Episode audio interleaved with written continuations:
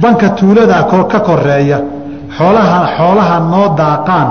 Ma u diidi karna karnaa ninkii beeraan ka samaysanaa yidhaahda dhulku waxaa weeye ardulmawaat waan soo maray. Man axyaa ardan meytatan weeye? Hadduu sibqa sharciya u nooleeyo dhulkuna banaanaan cidi lahayn tahay. Cidina uma diidi karta sharcan. Laakiin waxaa markaa weliyulamri iyo maamul islaami hadduu jira loo ogolaanayaa wixii maslaxad guud ay u xayiraanba iyagu diidi karaan. Laakiin shaksiyaadku waxba isuma diidi karaan. Cunug dhumay oo aan anigu hayo dadkii dhalayna ay ii yimaadaan d n a ma ku xujayn karaa si aan u xaqiijiyo? Maya waxaan soo marnay. Hadday wiilkii sheegtaan ay gartaan isaguna dadkaygii weeye uu kuleeyahoo garanayo keliya ka qaadun cadaynaya damiin haddaad shaki yar qabto inay iyagu dhaleeno wixii ka yimaada hadhow mas'uuliyaddiisa ay qaadayaan. D n a laakiin waxaad kharashkaasoo dhan u geliso dee xoolahaaba la qaatay wiil qaadan mayside hadhowna reerkoodii markuu weynaada uu iska aadaya maxaa dhibkaa kugu wata haddii la furo gabadha iyadoo aan lala aqalgelin ma leedahay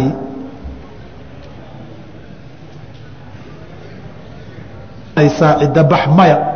Yaa ayuha aladiina aamanuu idaa nakaxtum اlmu'minaati uma طalaqtumuuhuna min qabli an tamasuuhuna famaa lakum calayhina min cidati tactaduunaha famaticuuhuna wasarixuuhuna saraaxan jamiila wax ciddaa male gabarheena ninkaysalag haddii la furo aabbahay qabrigiisa astaan ama calaamad ma u samaysan karaa. Calaamadu haddaynan dhismo ahayn wax kor u baxsanna ahayn oo dhagax iyo wax lagu garto ay tahay dhib ma laha. Cusmaan ibnu madcuun qabrigiisii buu nebigu ala slaam dhagaxii saara atacarafu bihi calaa qabri akhii aan ku gartee.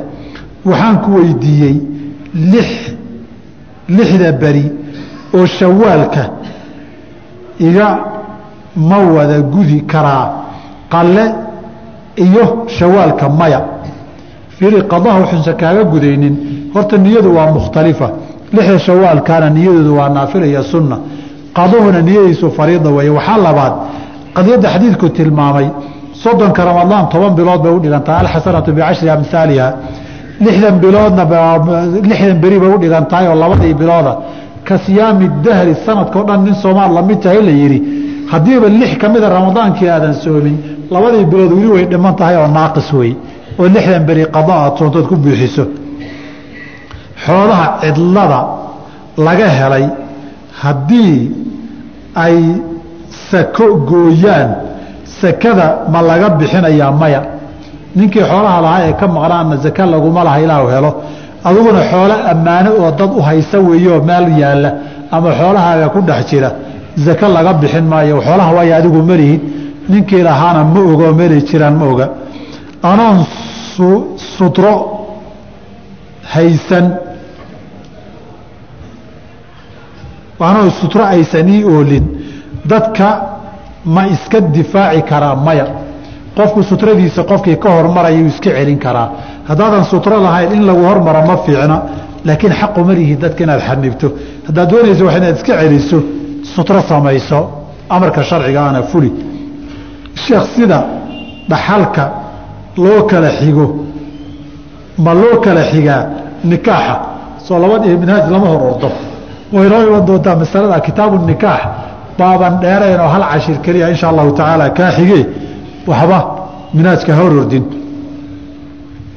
ka waran haddii anoo dukaan leh qof ii dhiibto lacag haddana aan qof la diri la diriro. Haddana la jabsado la jabsado. Ma anaa la iga rabaa waxaan u qaatay dadkii aan la diriray baa aargoosi u jabsaday saas miyaa macnaheedu? Qadiyadda aargoosigay u jabsadeen dembigeeda iyagaa iska leh. Aduu haddaad xoolaha meesheed xoolahaaga ku xifdiyeysay ku xifdiday dad baan colahayn oo soo duuloo meesha jabsaday waxba dan kugu raaci maayo. Laakiin hal mar buu wax ku raaci haddaad ogeyd in lagu soo socdo oo meesha la jabsan rabo ood isaga daysay waa dayacday. Xoolahana waa lagugu leeyahay. Mushaharkayga waxaa la ii dhigaa bangi ribo ku shaqeeya. Mana awoodo inaan dhaho lacagtayda toos ii siiya oo bangiga ha iga dhigina maxaan yeelaa? Damaba awoodaa tidhi walaa yukallifu llaahu nafsan ilaa wuscahaa un soo maaha. Marka la dhigaba haddaad ka qaadan karto yayna kuwa gaadhin wakti ay ribo dhashee marka xagga lagaga soo shubo adiguna xagga kala bax. Arrintani waa dhici kartaayo. Wadamada qaarkood hay'adaha iyo dowladuhu xeerkooda waxaa ka mida qof shaqo wanaagsan oo nadiifa qabta inaan lacag kaashaba la siinin ee akownkeensa lagugu soo shuba la yidhaahdo. Banki islaami oo nadiifan inaad weydaan dhici karta. Marka markii waxaa lagaa rabaa haddii aad meelaad ku xafidato ama aad uba baahan tahay aad haysato ama meelaad ku xafidaad haysa ama ad u baahan tahay ha ku geyna ku gaarin inay ku shaqeeyaanoo ay ribo dhasho. Haddii ay ka dhacdana dee wixii ribadii fuushe la samayn jiray unbaad samayn. Waxaan ka shaqaysanaa dhul gaalo. Waxaan gadno waxaa ka mid ah sonkorta gaduudan gaduudka ah iyo lebitada lebitada maxaa la yihahdaa waxay ku xihan tahay intaad ka og tahay sida loo isticmaalayo. Sonkorta guduudan meelaha qaarkood badanaa khamrigaa loo isticmaalo. Qamiirkanna waxay yidhaahdeen meelaha qaarkood oo waddankanaa joogna ka mida waxa ugu badan ee gata waa qolyada khamriga qamiiriya haddaad og tahay dadkan kaa gadanaya iyo alaabtana dadkaad u keenaysa suuqu.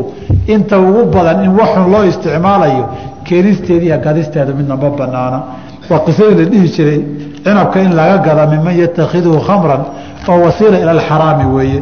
Walaa tacaawanuu cala alismi walcudwaani baa ku qaban. Haweeney ayaa ninkeedii ka soo carootay wiil yar oo ay dhashayna way soo qaadatay. Dhexda markay marayso ayay wiilkii geed ku xidhay ayadoo ninka ku xumaynaysa. Wiilka hadduu waraabe cuno ama uu dhinto qoftaas maxay mudan tahay? Magtii baa lagu leeyahay. Ilmaha magtiisii taa keliya ma ahane ilmuhu hadduu yar yahay safar dheerna ay la gasho oon iyo gaajo u dhintana iyadaa magtiisa lagu leeyahay. Waayo dulmi iyo tacadi bay ula safartay biduuni idni waalidihi khatartan ay u gelisay. Laba saddex su'aalooda dheerdheer baan ku soo gabagabaynaynaa sheekh. Baashu way badatay nagada baashu aad bay u fara badan. Qofkan af soomaa sheeko dheer buu soo qoray wuxuu yidhi ka waran haddii aan helo lacag baadi ah. Kadibna aan baafiyo sanad. Markaas aan waaye qofkii lahayd. Haddii aan ku shaqaysto oo faa'iido badan ay dhasho. Kadibna qofkii lahaa muddo laba sano ka bacdi aan arko muxuu xaq u leeyahay? Faa'iidada asaga miyaa leh mise anigaa leh? Faa'iidada adigaa iska leh. Xoolahana damaan iyo damaanadaaday galeen. Oo xoolaha hadday wada khasaari lahaayeen xaataa isagu yimaada xoolihiisi uu kugu lahaan lahaa. Algunmu bilgurmi weeye faa'iidada isagu waxba kuma leh. Gabar muslimad ah ayaa heshay cunug bannaanka lagu soo tuuray. Kadibna way nuujisay sidaas ayayna ku korsatay. Wiilkaas dhaxalkiisa ma leedahay haddii ay uu xoolo yeesho. Kadibna uu dhinto ayadana ma dhaxli kara kartaa? Hadday dhimato ma dhaxli karaa iska hadday dhimato. Masalada isagu ma dhaxli karaayo ma dhaxli karto masalo weeye culamada dhexdooda muran ka taagan yahay. Ilmaha laqiidka ee banaanka laga heleen aabbiya abtir loo aqoonin ma ciddii korisay baa iska leh kamaa qaala cumaru radia allahu canhu waardaahu sida asxaabu musanafaadka cabdirasaaq iyo iyo keyrkood ay ka soo guriyeen ibn abi shayba. Ibnulqayimna tahdiibu sunan abi daawuud uu aada ugu difaacayo riwaayo sanadkeeda dacfi ku jiro min xadiidi waairata bn asqac laga warinayo markuu ka hadlayo uu aada u difaacayo laakiin jamaahiiru ahlilcilmi siday u badan yihiin taa wax laguma dhaxlee baytulmaalka iska leh. Haddii baytulmaal jira hadduuna jirinna iyadaa xoolihii dhaxaloo dad ugu xigtoo qaadan. Qof ayaan badeeco dubay ugu dirsaday alaabtii ayuu ii soo gaday kadibna wuxuu u soo dhiibay ajansi. Qofkii markuu yimid wuxuu igu wareejiyey rasiidyadii alaabta uu ii soo gaday waana ka qortay alaabtii markay timid ayaan wax ka waayey shirkaddii alaabta soo rartay waxay i tuseen inta aan leeyahay kadibna waxaan waxaan ka waayey oo shirkaddii ayaa wax ka maqan yihiin. Waxayna leeyihiin waxaa laga yaabaa alaabtan inaan xafiiskeenna la keenin. Ee ka raadsada meeshii aad ka soo gadteen gadateen. Meeshii laga soo gadayna alaabtii waa laga laga soo qaaday. Ee yaa lagu leeyahay alaabtaas. Keliya ninkii alaabta soo raray iyo shirkadii bay ka dhaxaysaa isagu caddayn hadduu keeno alaabtaa inuu dhiibayna. Dee iyagaa laga rabaa. Hadduu caddayn keeni waayo ugu dhiibay iyaguna inkiraanna isagaa xoolihii gacantiisa ugu dambaysaoo laga rabaa oo waa inuu caddayn keena xoolihii inuu wareejiyey. Wixii intaa faahfaahsan waa qadiyad laba qof ishayaane labada xujo markii laydin dhegaystuunbaa si gaara laydin kala xukumi karaa. Qofkan laba su'aalood baan qabaa haddii haweeney ay dhasho carruur badan laakiin uu ku jiro caruurtaas mid ay iyada dhashay laakiin uusan dhalin ninkaas ninka ilmahaas oo iyadana ay og tahay waxaan ula jeedaa waxay ku dhashay gogoldhaaf kadibna wuu geeriyooday ninkeedii canugaas ilmaha dhaxalka ma la leeyahay maya. Nabigu ala slam arrinta aad buu uga digayo qof ilaahay rumaysan reernimaan ahayn yaynan ku dhex darin. Ma u sheegaysaa ilmaheeda kale inuusan la dhalanin waa waajib diineed. Inay u sheegto inuusan la dhalinoo hooyo keliya la wadaago. Maxaase la gudboon. Haweenaydaas falkaas ka dhacay. Dina wixii caddaysaa u la gudboon. Maadaama xuquuq iyo dad walaaltinimadooda iyo miiraas iyo nasab iyo abtir ka dhalanayo hadhowna axkaam sharci oo badan ay ku tacalluqayso inay sheegtahay waa waajib. Haddaan waxba dhalanin isqarso ilaahayna dembi dhaaf weydiisaan dhihi lahayn.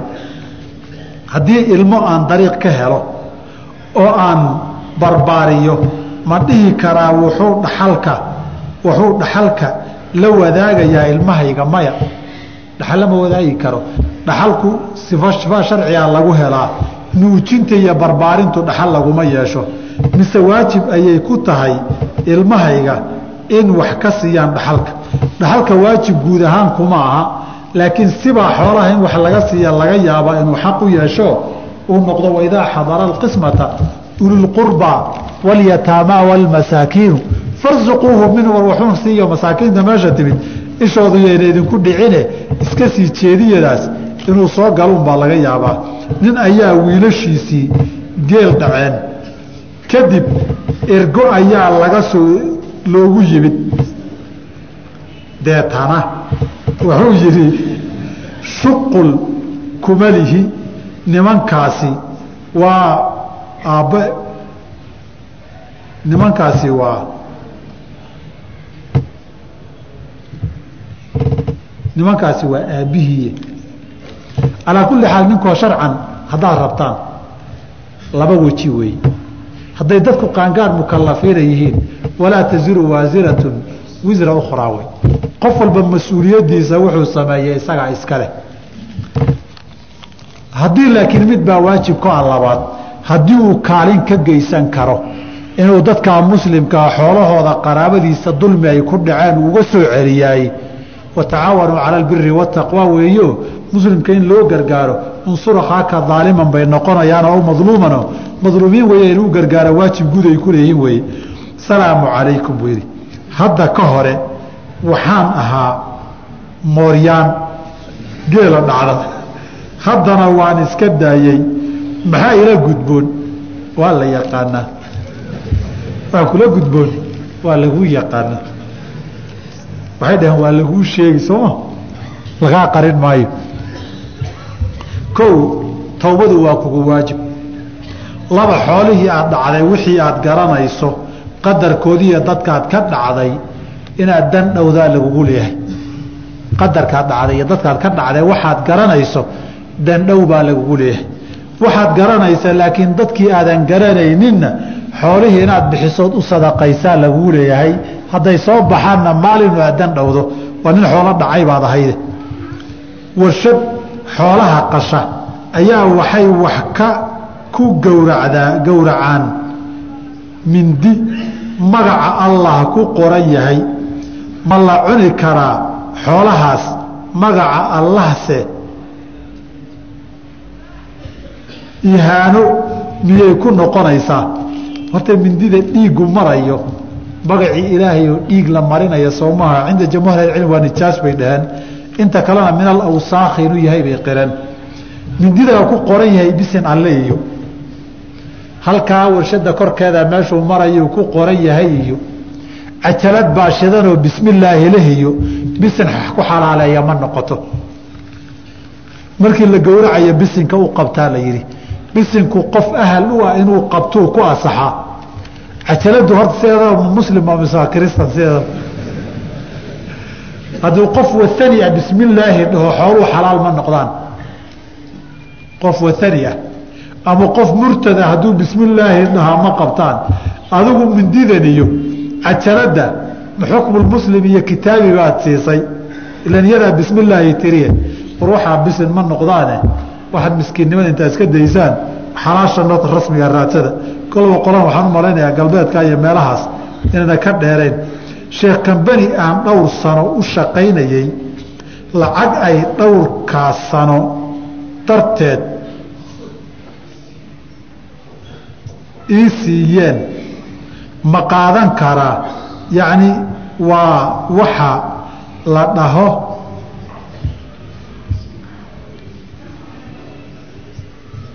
sanwis hadday ku siiyaan lacagta ay ku siiyaan hadday tahay hadiyada ay kuu garteen ama waxay shaqaalahooda siiyaan ama xeer shaqadooda ku jirtay way bannaan tahay. Dhibaato ma laha. Laakiin hadday tahay dee lacag uu nimankii shaqaalaha iyo wax lagugu laaluushayo waxyaabaha qaarkood qarinaya ay ku lamaan tahay inaadan qaadan karin baan filayaa. Gabadh aan soo korsaday ma guursan karaa ha haddii aada soo korsatay oo baaburidaac iyo waxba idin dhex marin taxriimkana uusan musaaharo iyo nasab midna ku imanin dee waad guursan kartaa maxaa diidaya?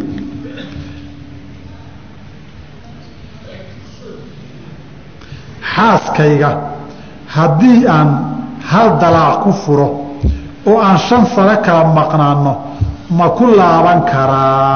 Haa laakiin meer cusub baad samaynaysaan caqdi cusuboo wilaayadeedii aada raadsan weeye. Kadibna meher cusuboo baad siin oon kii hore ahayn laba dalqadoodna waad isku qabaysaanoo miduu hore idinka tagtay.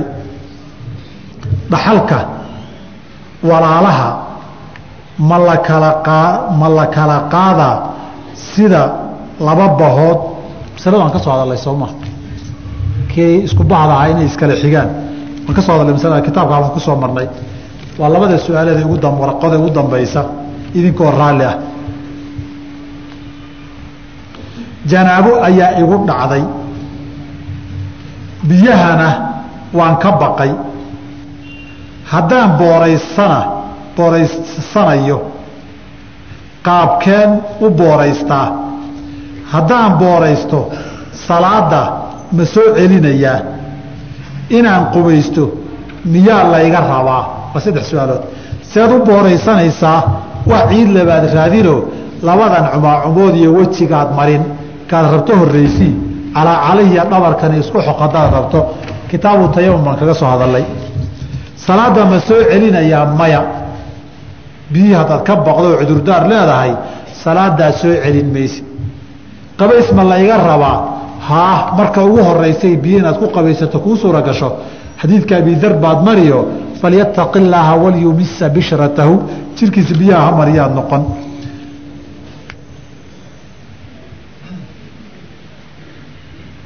wuxuu waxaad horay u sheegtay wadaadow in dhiciska boqol iyo labaatan beri dhaafin ama ka yar la soo ridi karo arintaas fasiraad aad sintaa fasiraado buuq baa ku yi ku yimid sida inay albaab qiil u furto hablo badan si qaldan ama fudud u qaataan.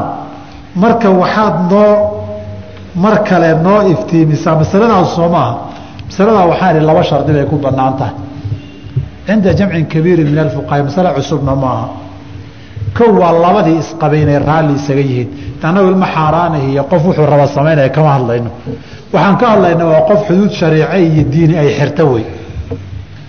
Ilmahani kow waa inuusan xaddii naf lagu afuufi lahaayee naf la goynaya gaarin.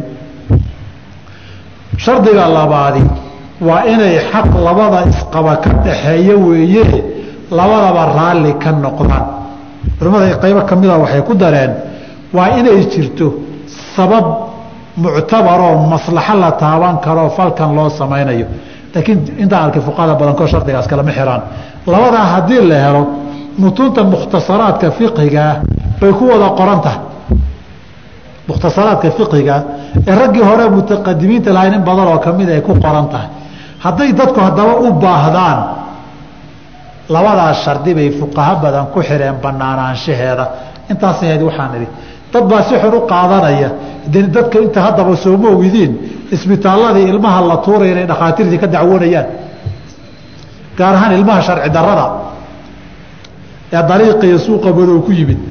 Isbitaalladana lala taagan yahay la daadinaya dhakhaatiirtii cabaad inuu ka dhamaayo sooma ogidiin taasi waa wax iska taagano qofka iyo alla kacabsigii wey laakiin waxaan ka hadlayaa laba is-og oo ilmahan wada dhalay oo ilmahan biyahoodii wada yahay oo iyagu dantooda raalli u arkay sababo badan baa keeni kara oo sharcan muctabara.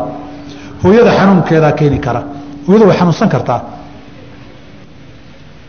Qaacido sharciga waxaa jira soomaalida maamaheeda masaladan waafaqsan.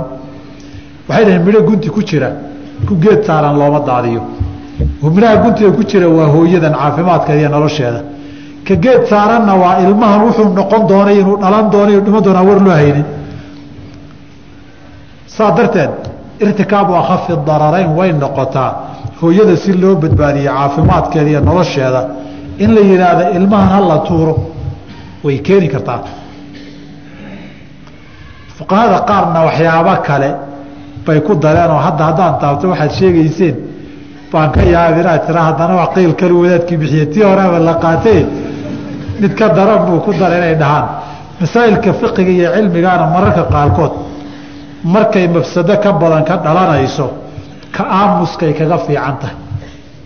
Oo nabigu mucaad markuu xadiidka u sheegay waa kii ku yihi laa tukhbir innaasa fayatakilu way tala saaranayaane ha u sheegin. Marka cilmiga qaar ka mida fii zaman mucayan waa la qarin karaaye qaybaha kale kuwa la qarinayaan isaga dari oo hadda sii gudageli maayo sheegi maayo subxaanaka allah bxamdika ashhadu an laa ilaha illa anta astaqfiruka atuub ilayk الرحيم الحمد لله رب العالمين وصلى الله وسلم على رسوله الأمين وعلى آله وأصحابه أجمعين ومن تبعهم بإحسان إلى يوم الدين أما بعد waxaynu ku jirnay kitaabu alfaraa'id iyo dhaxalka iyo sida loo kala leeyahay waxaanan soo sheegnay dadka dhaxal kale inay laba qaybood yihiin. Qayb la yidhahdo asxaabu alfuruud oo qadar go-an leh iyo qayb casabaad la yidhaahdo oon iyagu wax go-an iyo qadar go-an aan lahayn sida badan. Oo hadba intii u harta ama dad la qaybsada ama keligood qaata. Halka wuxuu cashirkanu ka bilaabanayaa marka uu yihi faslun ay fi lfuruudi almuqadara dadka waxa go-an sharcigu u jaangooyey ee wax go-an oo qadaran qaadanaya. Haddaba dadkii waxa go-an ee qadaran qaadanayey ba waxaa halkan insha allahu tacaala uu ku sheegi doonaa inta ugu muhiimsan ama ay nusuusta kitaabka iyo sunnadu sheegeen wuxuu yidhi walfuruudu waxyaabaha qadaran almadkuuratu la sheegay fii kitaabillaahi tacaala kitaabka qur'aanka lagu sheegay sitatun lix weey waana lixdaasoo gadaal wax siyaado oo toddobaad kagama soo darmanin. Annisfu dad nus qaata xoolaha meydkii ka dhintay nuskood xaqu leh. Waarubucu dad afar meelood meel xaqu leh. Wathumunu dad humun iyo sideed meelood meel xaqu leh. Wathuluthaani dad saddex meelood laba xaqu leh. Wathulusu dad saddex meelood meel xaqu leh. Iyo wasudusu dad lix meelood meel leh. Lixdaas bay dadku qadarka go-an lihii wax ku dhaxlaan. Waxaynan isugu jiraan dad xaalado kala duwan yeesha oo marna intan yeesha mar hadday xaaladdu sidaa tahay iyo hadba dadka jooga ku xiran iyo dad meeshooda aan dhaafin iyagu oo halkoodaa wixii loo qadaray uun goortay wax go-an yeeshaan intoodaa un qaata. Haddaba dadku markay xoolaha dhexlayaan waxaa ka horreeya in saddex arrimood marka hore meel la saaro intaan dhexalka la gaarin. Qofku hadduu dhinto oo xoolo ka tago saddex arrimood baa ugu horreeya marka u horeysa aaskiisa iyo qabanqaabada aaskiisa kharashka ku baxay baa marka koobaad ee ugu horeysa laga bixinayaa haddaba xoolihii markii kharashka aaska hadday qabrigu lacag yahay hadduu dhaqitaanku lacag yahay haddii gaadiidka lagu qaadaya lacag yahay wixii kharash ah ee ku baxaya aaskiisa baa marka koobaad la goynayaa. Xoolaha inta soo hartay marka labaad waxaa laga bixinayaa deymaha lagu leeyahay. Wixii dayna ay dad ku lahaayeen baa marka labaad la bixinayaa. Marka saddexaad xoolihii haddii uu qofkii dardaarmay waxyaabo wasiya dardaaran sida fasalka dambe inoogu iman doonta uu sameeyey baa intii uu dardaarmay ama ogolaanshaha dadka dhaxalka leh ha ku xirnaato. Amaba inta isagu xaqa uu ku leeyahay oo uludka saddex meelood meeluu dardaarmay ha noqotee qeybta saddexaad ee la bixinaya waa dardaarankii wixii uu xaqu yeeshay meydku in la bixiyo. Oo faahfaahintiisu insha allahu tacaala inoo iman doonto. Intaa wixii ka dambeeya baa sida loo dhexlayaayo qofkii nusli intaa baaqiga ah kharashkii aaska dayntii iyo dardaarankii marka laga reebo buu nus yeelanayaa waxa soo haray. Buu waxa soo haray ulu yeelanayaa sudus yeelanayaa ruuc iyo umniya yeelanayaa. Ilaa aakhirihi fanisfu haddaba nisku. Fardu khamsatin shan qaybood oo dadka ka mida wax u qadaranayo wax ku dhaxlaan weeye waxaa ilaahay u qadaray qur'aankana lagu sheegay shan inay wax ku dhaxlaan midka koowaadi albintu gabadh uu meydku dhalay weeye halka caruurtuu dhalay ka hadlahayana fain kaanat waaxidatan hadday hal gabara keliya meydku uu ka tegey falaha nisf haddaba gabadh meyd ka tegey saddex xaala mid bay yeelataa. Inay noqoto lidakari milu xadi luntayayni oo wiil walaalkeeda joogo. Taasi waa dhaxalka wiilkiiba laba gabdhood buu dhigmaayo.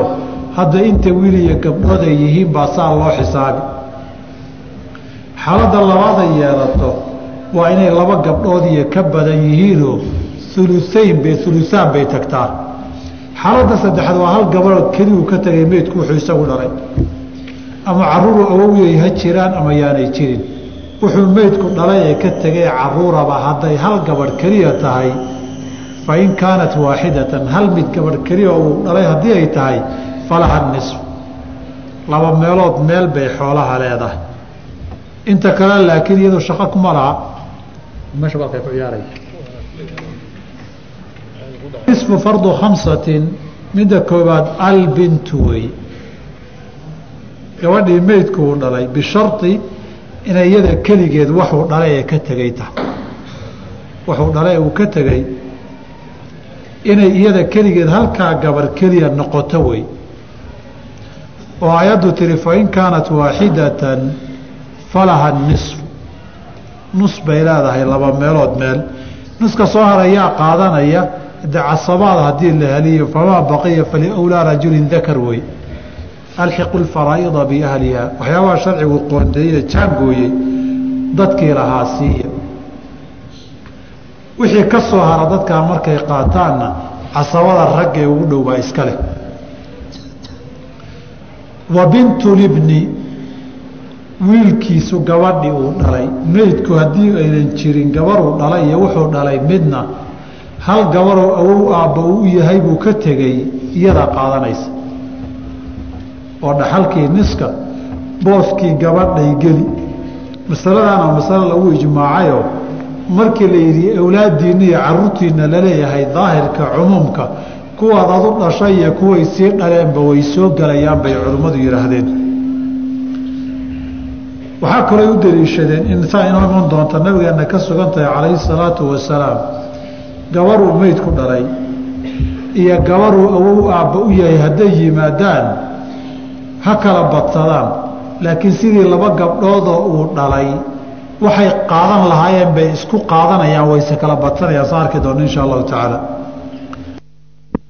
Oo min alabi waalummi aabbiyo hooyaba ay wadaagaan. Waxaa kale walukhtu walaal oo min alabi aabba keliya ay wadaagaan. Meydku hadduu dhinto oo wuxuu dhalay iyo aabbihii iyo midna aanu ka tegin hal gabaroo walaashii uu ka tegey ama aabbihi hooyay wadaagaan ama aabbo keliyay wadaagaan. Intaan sheegna marka laga saaro nus bay xoolaha leedahay. Waxaana lagu fasiray culimmadu mufasiriintu ay isku raacsan yihiin. Markii walaalaha qur'aanku ka hadlaya laba jeer buu ka hadlay. Midna waa dadkay aabbo wadaagaan ama hooyaha u dheeraato inay wadaagaan ama yaanay wadaagin. Midna waa midkay hooye keliya wadaagaan. Walidaalika markii la yidhi in imru'un halaka laysa lahu waladun. Waxba ma dhalin. Walahu akhun walahu ukhtun falahaa nisfu maa tarag wuxuu ka tagaa nus bay yeelanaysaa.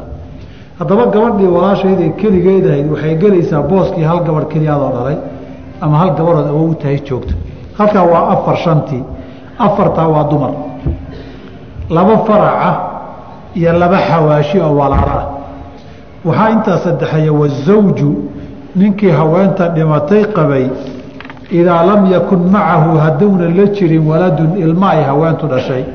Hadday qof haweenihii dhimato oo ninkeedii oo xarig iyo xilo ay suu ahaayeen uu joogo wax caruuray dhashoy ka tagtay wiil iyo gabarhtoona aanay jirin xoolahay ka tagtay nis buu leeyahay walakum nisfu maa taraka aswaajukum in lam yakun lahunna waladun. Xaasaskiinu wixii ay ka dhintaan ee xoolo ah nus baad leedihiin haddii aanay ilmo iyo carruur ka tegin. Ilmo ay iyadu dhashay haddayna ka tegin wey ama adiga ha kuu dhasho ama nin kale ha u dhasho. Muhiimaddu waa ilmo uu meydkan hooyadiihi dhashay hadduunan jirin wey ilmahaasi ama si saxa ha ku dhasho ama si qalada ha ku dhasho ilmihii ay dhashay haddii uu joogo wiil ha noqdo ama gabar ha noqdo ama hal mid ha noqdo ama ha tiro bataan. Ilmo ay dhashayba mar haddii uu joogo malihid nus. Laakiin haddii ilmo ay dhashay uu joogo nus baad leedahay.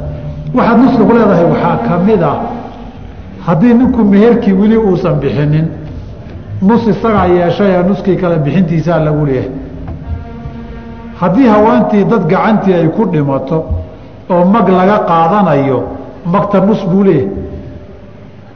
Ilaa an yakuuna qaatilan. Isaguba inuu dilay maahane qaatilku waxma dhaxla soomada soo marin.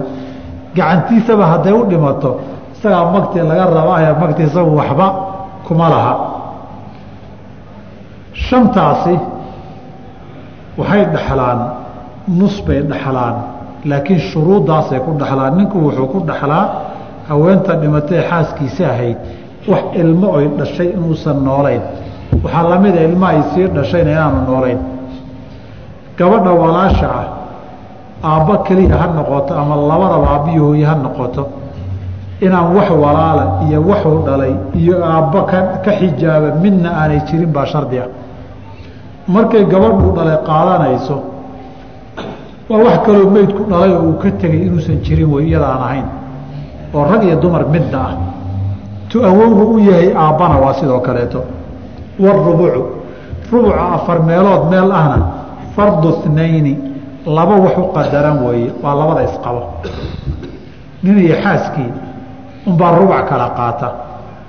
Azawju ninkaa dhaxla rubuc buu leeyahay maca alwaladi haddii ilmo ay dhashay haweentii aw waladilibni ama ilmo ay ayeye u tahay ilmaheedu sii dhaleen hadday jiraan oo wiilkeedu sii dhalay.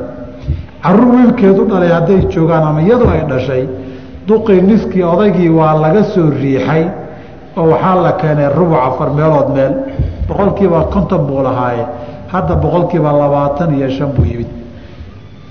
Fain kaana lahunna waladun falakum اrubucu mimaa tarakna min bacdi wasiyati rubuc afar meelood meel baad leedihiin markii wixii hore laga saaro hadda iyadu ilma ay dhashay ama wiilasheedu ilma ay dhaleen haddii ay ka tagtay intaasaad leedahay. Wahuwa fardu zawjati sidoo kaleeta haweentiina waxu qadaran weeye hal mid hadday tahay iyo wazawjaati hadday haween badan yihiinba maca cadami اlwaladi haddii aanu ilmo jirin ninkii dhalay aw waladi libni ama wiilashiisu waxay dhaleen aynay jirin. Haddii waxa dhintay ninkii yahay oy xaaskiisii noosho ay dhaxlayso haddii uusan wax caruura oo uu dhalay iyo carruur wiilashiisu waxay dhaleen uusan ka tegin iyadu boqolkiiba labaatan iyo shan ama rubculmaal bay leedahay. Markii saddexdii horeen sheegnay laga gooyo. Walahuna arubucu mimaa taraktum in lam yakun lakum waladun. Haddaydan carruur lahayn afar meelood meel xoolaha iyadaa leh. Ama magtii ha noqoto ama maal kalou milka odaygu ulahaa ha noqotee wathumunu sideed meelood meelna. Hadda waxaad soo martay labadii isqabay hadday xaasku dhimato. Ninku ama nus buu leeyahay haddaynan carruur ka tegin ama rubuc buu leeyahay hadday carruur ka tagto. Haddiise ninkuu dhinto haddii uu ninkii dhinto haddii aanay carruur ka tegin haddii aanu carruur ka tegin rubuc bay leedahay. Su'aasha dhiman waxaa weeye hadduu carruur ka tagana sideed meelood meel bay leedahay.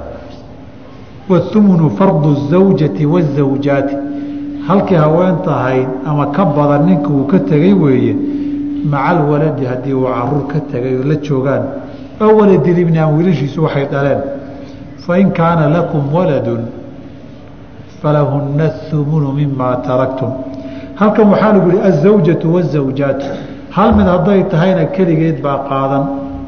Hadday laba saddex afar yihiinna rubuca ama umunkaa unbay qaybsan. Hadday intay leeyihiin bay ku qaybsanayaan. Fardiga afraad ama waxaan leeyahay ha afraad wathuluthaani saddex meelood laba dadka qaatana fardu arbacatin afar baa loo qoondeeyey oo loo qadaray. Afartan soo ururiyo afartii niska qaadan jirta ee dumarka ahayd markay keli keli yihiin hadday laba laba iyo ka badan noqdaan saddex meelood labay qaadanayaan. Saddex meelood laba hadday laba gabdhoodoo keliya u dhalay uu ka tago. Hadday laba gabdhoodoo keliyaoo awow aabbo u yahay uu ka tago hadduu laba walaalo oo shaqiiq oo aabbiyi hooyo wadaagan ka tago hadduu laba aabbo keliya ay wadaagan ka tago hal hal marka ay yihiin ay keligood yihiin nus bay qaadan jireen. Hadday mid labaad ama saddexaad ama afraad ku soo darmatana uluayn bay qaadanayaanoo waxaa la siin saddex meelood marka loo dhigo baa laba iyaga la siin. Walidaalika subxana wa taala subana wa taala carruurta la dhalay markuu ka sheekeynaya carruurta la idiin dardaarmay. Wuxuu ihi fain kunna nisaaan fowqa tnatayni caruurtiinu waxaad dhashay ama sulbi ha ahaadaan ama banaatilibn fain kunna nisaaan hadday haween yihiin waxaada maydku ka tegey. Fowqa tnatayni laba ka badan falahunna waxay leeyihiin uluaa maa tarak. Wuxuu ka tegey saddex meelood labaa la siinayaa halkan qur'aankiiyo ma aragtaan dhaqan soomaaligii gabdhaha la dhexli jiray gablankuu noqon jiray ninku xoolaha adeer iyo walaalun iska dariirsan jireen. Gabdhihiina meel cidlaa lagaga dhaqaaqi jiray.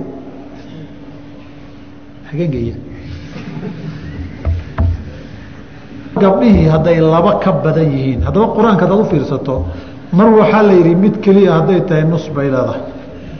Hadday laba ka badan yihiinna uluseyn bay leeyihiin. Labadiina.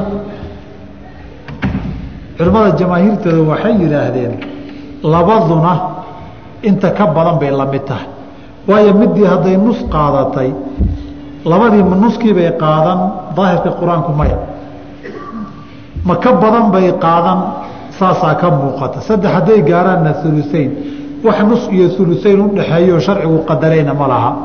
Walidaalika fowqa snatayni laba ka badan labaduna waa la mid ibnu cabaas iyo rag badan siday ku fasirayaan albintayni laba gabdhoodoo u dhalay meydku wa bintayilibni laba gabdhoodoo wiilkiisu dhalay. Halkay nus ka qaadan jireen hadday laba laba noqdaan uluseyn bay qaadanayaan. Walukhtayni laba walaalo ah qaadata ulusaanka oo min alabi waalummi ah. Walukhtayni baa qaadata oo min alabi ah. Aabba keliya laba gabdhoodoo walaalo ood wadaagtaan ama laba gabdhoodood aabbihiyo hooyo wadaagtaan iyaguna. Iyadana walaalaha markii laga hadlay waay ln fain kaanat athnatayni falahuma hulusaani mimaa tarak. Laba hadday yihiin wixii uu meydku ka tegay saddex meelood labaa xoolaha la siin. Iskadaa kuwu dhale kuwa walaalaha la ahaabaaba labo. Uluseyn ku qaataye kuwuu dhalee ka xoog badnaa. Iyaga laba a uluseyn maxaa u diidi waulusu saddex meelood meelna fardu inayni laba qolaa ku dhaxasha haddaba gabdhihii uu dhalay meydku ama wow aabba u ahaa ama walaalihiis aabba ama aabbihii hooye ahaa hadday keligeed tahayna waa nus hadday laba iyo ka badan tahayna waa ulusaan xaaladda soo hartay waa inay wiilal walaalahooda la joogaanoo falidakari milu xadilunsayayni lidakari milu xadilunsayayni ay noqdaan saddexdaa xaalo unbay yeelan karaan. Waulus haddaba fardu inayni labaa wax ku dhaxasha. Alummu hooyada idaa lam tuxjab haddaan la xijaabin la riixin. Baabulxujbigu waa laba qaybood. Xujbu xirmaanin xujbu nuqsaanin wax la yidhaahdo. In qofkii laga riixo oo booskii hore laga kiciyo welina uu wax qaato way dhici kartaa. Waana ta halkan uula jeedo hooyo marnaba ma qado abaweynku ma qadaan baa lagu yidhi labada waalid iyo xujbu xirmaan maba galaba lama qadiyo. Xujbu xirmaan waa in la qadiyaba oo la yihahda meesha waxba kuuma yaalee orodoo iska tag. Dadkan haddii la waayun baa wax heli lahay. Alummu hooyada idaa lam tuxjab haddaan la xijaabin. Haddaan la xijaabin waxaa looga jeedaa haddaan suduska soo socda la gaarsiinin oo maxaa xijaabi kara meydku ilma uu dhalay hadduu joogo sulus ma qaadan karto. Ilmo uu awow aabba u yahay hadday joogaan ama mid ama laba ama ka badan wiil ama gabar waxay dooni ha noqdaane iyadana ma qaadan karta sulus hadday walaalo laba gaadhay joogaanna ma qaadan karta sulus saa darteed bay soomaalidu markay axkaamta akhrisanayaan halkan erey yarood afarey mooda bay leeyihiin hooyada goortay suluska qaadato waxay dhaheen habar walad weynay walad waladkii weynay walaalo tacadudo weynay ulus la waylacata ulus bay la dhaqaaqday. Walad meydku dhalay ma jiro. Waladuu sii dhalayna ma jiro. Wiilashiis waxay sii dhaleen. Walaalo tiro lahoo laba gaadhayna ma jiraan. Ulus bay markaa garabka saaratay la dhaqaaqday. Taana qur'aanka daahirkiisaa sheegayo. Ilahi subana taala ilmaha markuu ka hadlaayey fain lam yakun lahu waladun wawariahu abawaahu faliummihi hulusu hooyadii hadduusan wax caruuraba ka tegin sulbi iyo caruurtiisu waxay sii dhaleenba labadii waalidna dhexlayaan hooyadu sudus bay leedahay aabbahana inta soo hadhay buu leeyahay sooma iyo ulus bay leedahay aabbahana inta soo hadhay buu leeyahay isaga markaa casabuu noqonayaayo famaa baqiya buu noqon. Wahuwa ulusku sidoo kale lilithnayni labo iyo fasaacidan wixii ka badan oo min alikhwati walaalo wiilal ah iyo walakhawaati walaalo gabdho ah buu u sugnaaday walaalahaasoo min waladil ummi hooyo keliya mid aada wadaagteena walaala hooyo keliya aada wadaagteen inuu hal yahay iyo inuu ka badan yahay wey. Iyagu waa qoomka keliya ee raggooda iyo dumarkoodu dhaxalka siman yihiin walaalo hooyo iyagu markay qaybsanayaanna madax siman bay u qaybsadaan. Rag iyo dumar dakari milu xadil unsayayni maaha waxa ay qaadanayaanna wiil iyo gabar ma kala duwana walaal hooye ma yahay wey. Hadday hal gabar hal wiil hadduu yahay hadday wiil iyo gabar yihiin hadday laba wiil yihiin hadday laba gabdhood yihiin waa isku xuquuq. Dhaxalka walaalkay hooyada wadaageen markuu dhinto. Marka huwa linayn labaa iska leh.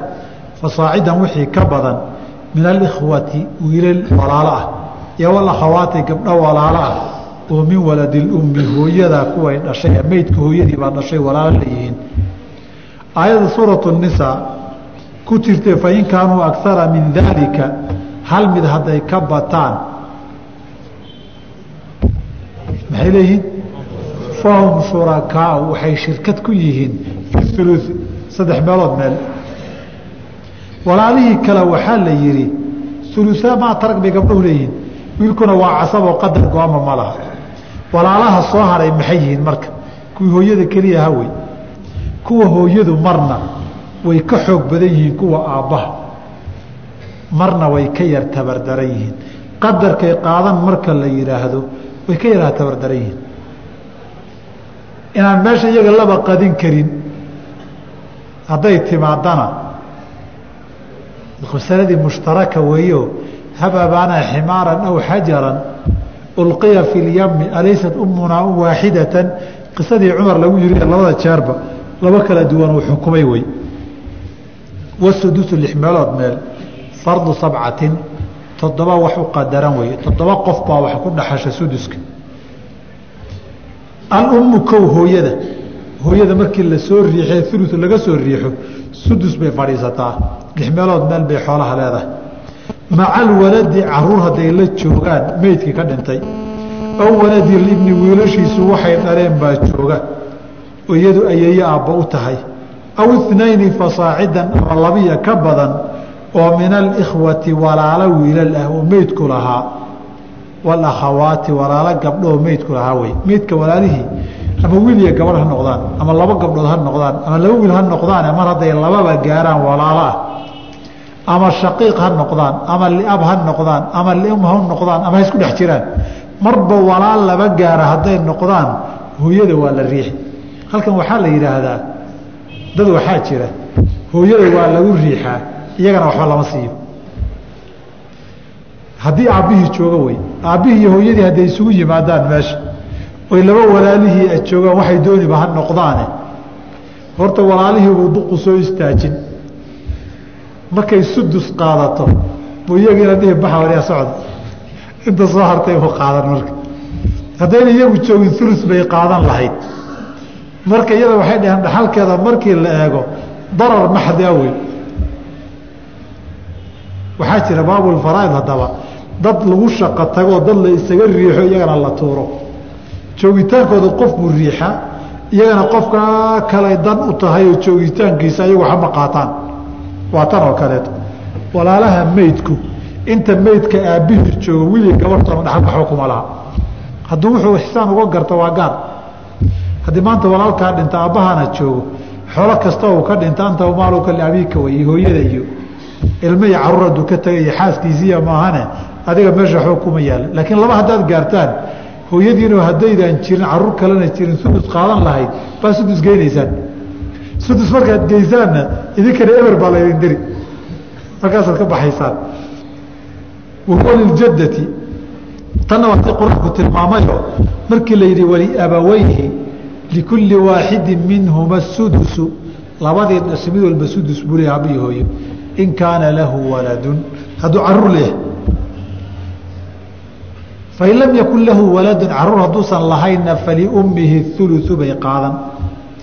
Fain kaana lahu ikhwatun walaala hadduu leeyahayna faliummihi sudus baa lagu soo celiyey. Aabbuhu isagu casaba casabuu iska taagan yahayo famaa baqiya buu taagan yahay. Qolyahan walaalahana duqdun buu ku riixaye hooyadu buu ku yaraa riixay waxoogaye waxba uma ogola ixsaan waa baabkiiyo fadligu. Wahuwa liljadati ayaydaa iska leh cinda cadami اlummi hooyada marka la waayo. Hooyada marka la waayo ayayadaa la siiyaa suduskiisyadaa qaadata. Masalada ayayadu sudus inay qaadanayso xadiid majmuuc qisas majmuucu uruqihaa xasan gaarayay leedahay oo nabigu ayeeye inuu siiye mar mugiirata bni shucba laga warinayo marna burayda laga warinayo marna majmuuca maraasiil oo xadiid maraasiil oo sanadkoodu sugan yahay la warinayo. Marka la isu geeyo waxaa la dhihi karaa darajatulxasan bay isla gaarayaano eeyadu sudus inay leedahay nabigay ka sugan tahay baa la dhihi karaa sala allahu alah ali wasalam walibinti libni wiilkii gabadhuu dhalay baa leh maca binti sulbi gabar awowuu dhalay markay la joogto. Meydkii dhintay hal gabar buu ka tegey oo u dhalay. Iyo gabar uu awow aabba u yahay. Tan hoose hadday keligeed tahay nus bay qaadan lahayd. Tan kore hadday laba yihiinna uluaan bay qaadan lahaayeen. Tan kore nuskeeda u daa. Ulutaynkii maxaa ka dhiman? Sudus baa ka dhiman. Waayo xoolihii lix markaad u qaybiso nuskii saddex tii bintu sulbiga ahayd baa qaadatay. Saddexdii tii suduska qaadatayna hal qori bay qaadatay. Saddexdii iyo halkii qori markii la isku dara waa imise afartani maxay uga dhigantaa lixdii? Saddex meelood laba sooma takmilata ulutayni saasaa loo yihi wixii uluteynka ka dhimanaa ee gabadh walaasheedoo kale hadday joogta ay soo biirin lahayd bay tan awowga u yahay aabbana soo biirin laakiin iyadaa qaadan. Tanna intanay qaadan way kala batanayaan labada way wada dhexlayaan. Dadkii dhexal la lahaa si laba gabdhoodoo meydku dhalay bay u noqonayaanoo horta iyagu xoolahaasay gaar la mari. Markay isku soo haraanna tanna in bay leedahay nasan. Tanna inta u soo hartay bay qaadan oo suduska takmilatu uluteynka ah waana qisadii xadiidkii saxiixaaye ibnu mascuud radi allahu canhu wa niman baa meyd baa dhintay gabaruu dhalay iyo mid walaashii ah iyo miduu awow aabbuu yahay uu ka tegey abuu muusa ashcari baa loo yimid dhexashii baa masaladan. Agow masalada haddii aada iska ijtihaadda waad qaldami kartaa. Wuxuu yihi tuu dhalay nis bay leedahay. Walaashiina nis bay leedahay. Tuu awowga u yahayna waxa meeshuuma yaallo. Orday ibnu mascuud u taga wuri igu waafaqi doonaa ibnu mascuud baa loo yimid waxaa la yidhi saasaa dhacday. Abuu muusa saasuu xukumay waana na soo diray. Wuuna igu waafaqi doonaa buu yidhi haddaan waafaqa wuri inii idan qad dalaltu idan. Waa lumay bu aniga diintiiba waan ka dhumay bui warkaa haddaan qaato. Tuu dhalay nus bay leedahay. Ta dambana ee awowa aabbo u yahayna nus buu leeyahay. Inta soo hartayna gabadha walaashia iskale buui nabigaan og arkay buui goobjoog kaha isagoo sidaa u dhexeshiiyey sala allahu alah ali wasalam marka nabigaaban ogaasu u dhexeshiiyey haddaan war ka duwan abuu muuse qaato. Nin meel meel meel xun ka dhacay baan ahay adiga laakiin waxaan iska dhihi nabigaasaa ihi imaam shaafici baa saa qabe hadalka ibnu mascuud wuxuu cashir kugu yahay aan ku weydiinaya imaamu shaafici iyo abuu muusa alashcari kee fadli badnaa? Keebaase cilmi badnaa? Ibnu mascuud wuxuu ku leeyahay nabiga warkiisoon hayo. Haddaan warka abuu muuse qaato nin dhumay baan ah qof kastaba haddaad warkiisa qaadato warka nabigood hayso ala sla slam abuu muuse iska daa warkiisa. Abubakar warkiisa haddaad qaadato oo warkii nabigood hayso ka duwan qad dalaltu baad geli waad baadiyowday. Markii nabigu yimaado saa darteed waxay yidhaahdeen idaa jaaa nahrullaahi batalahu nahru macaqilin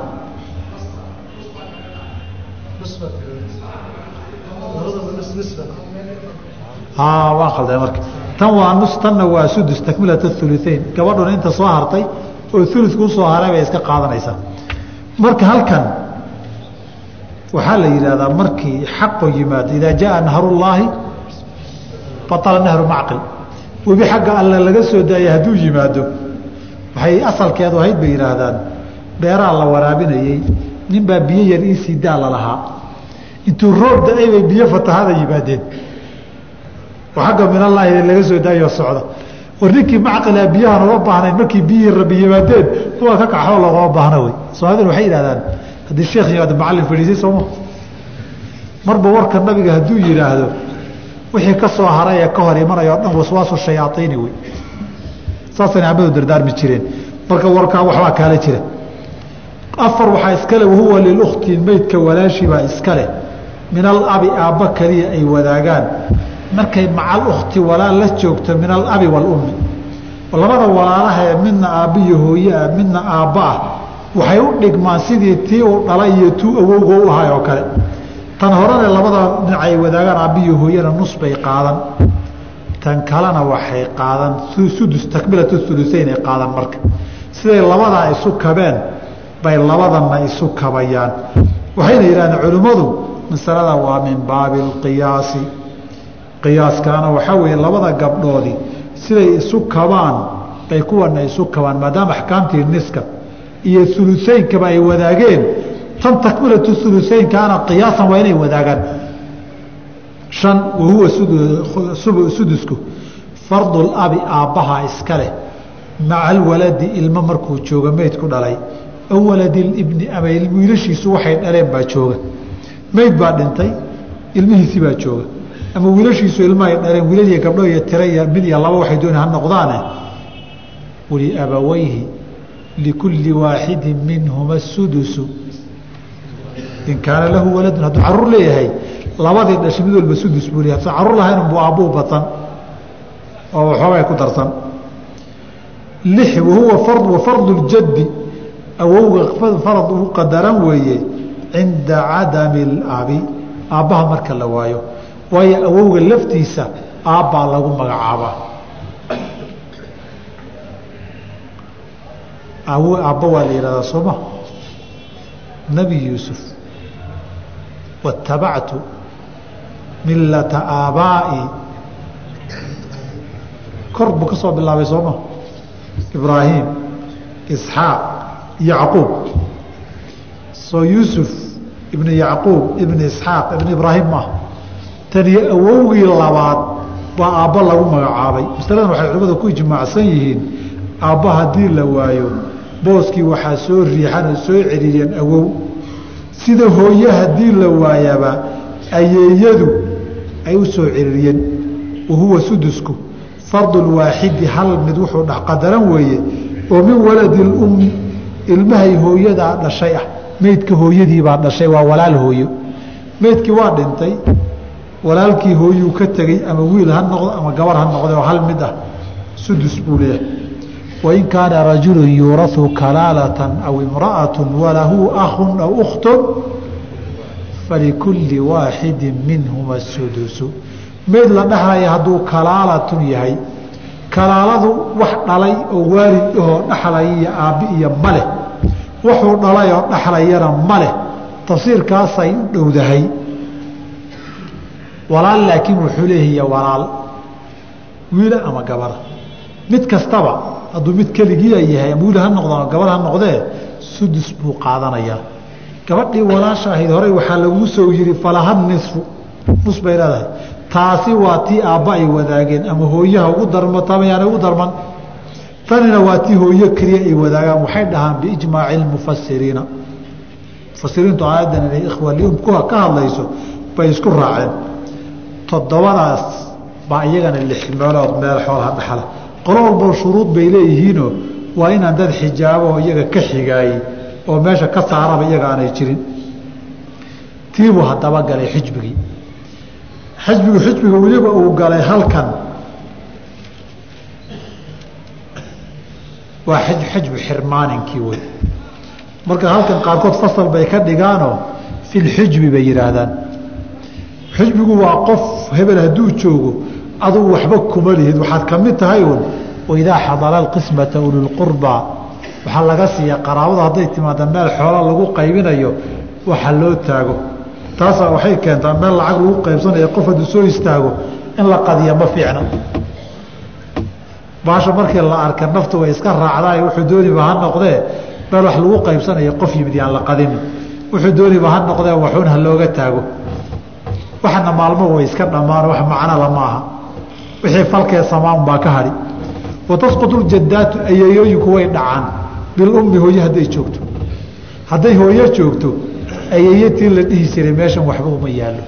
Ama xagga hooyada ha ka timaado ama xagga aabba ha ka timaado xagga usuushaada haddii loo kaco hooyo intay joogto wax dumarahoo kale oo ka koreeyo iman kara ma leh. Intay hooyo joogto kor usuushaadii ayayooyin bay noqon karaan. Dariiqay dooni ha ku yimaadaan ama xagga hooyada ha ka yimaadaan oo hooyadeed ha noqoto ama xagga aabbaha ha ka yimaadaan oo aabbaha hooyadii ha noqoto hooyo intay fadhido watasqutu ljadaatu ayayooyinku way dhacayaanoo way qadayaan maca bilummi hooyo joogitaankeeda.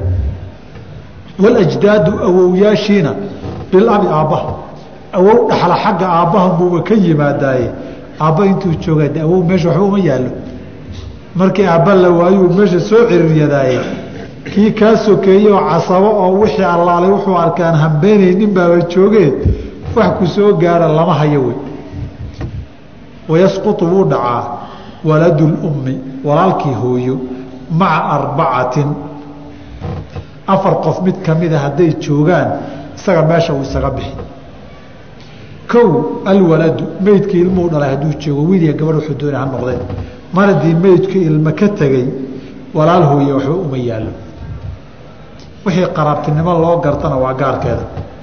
Wa waladilibni meydka wiilaluu dhala wiilashiisa caruuray sii dhaleen hadduu yaallana meydka walaalihii hooye meesha waxba uma yaallo iyagana. Walabi aabbaha meydka aabbihii iyo waljadi awowgii afartaa labadaa usuusha iyo labadaa furuucda hadday joogaan baa waxaa lagu soo ururiyaa haddii asal ama farac waarif a joogo wax dhaxlaya waxba isaga uma yaallo. Qaar ba waxay ku daraan asal iyo farac waa dakar oo waari ah. Haddii saa la yidhaahdo walad alwaladu wa waladu libni wiilal keliya noqon marka waxaad leedahay farac waarithana waa inuusan jirin. Asal dakarahoo waarithana waa inuusan jirin oo wax dhexlaya markaasuu walaal hooyo meesha waxoogay lug la soo geli karaa afarta haddii la waayo isaga waa taagan yahay cidinama saari karto. Iyadoo laga yaabo in la saaro walaalo kale buu isagu taagnaan oo la riixi karin. Wayasqutu اakhu walaal waa dhacaa meesha waa ka baxaa lilabi wاlummi walaalkay meydka aabbiyo hooyaba wadaageen saddex afartaa ka mida isaga saarta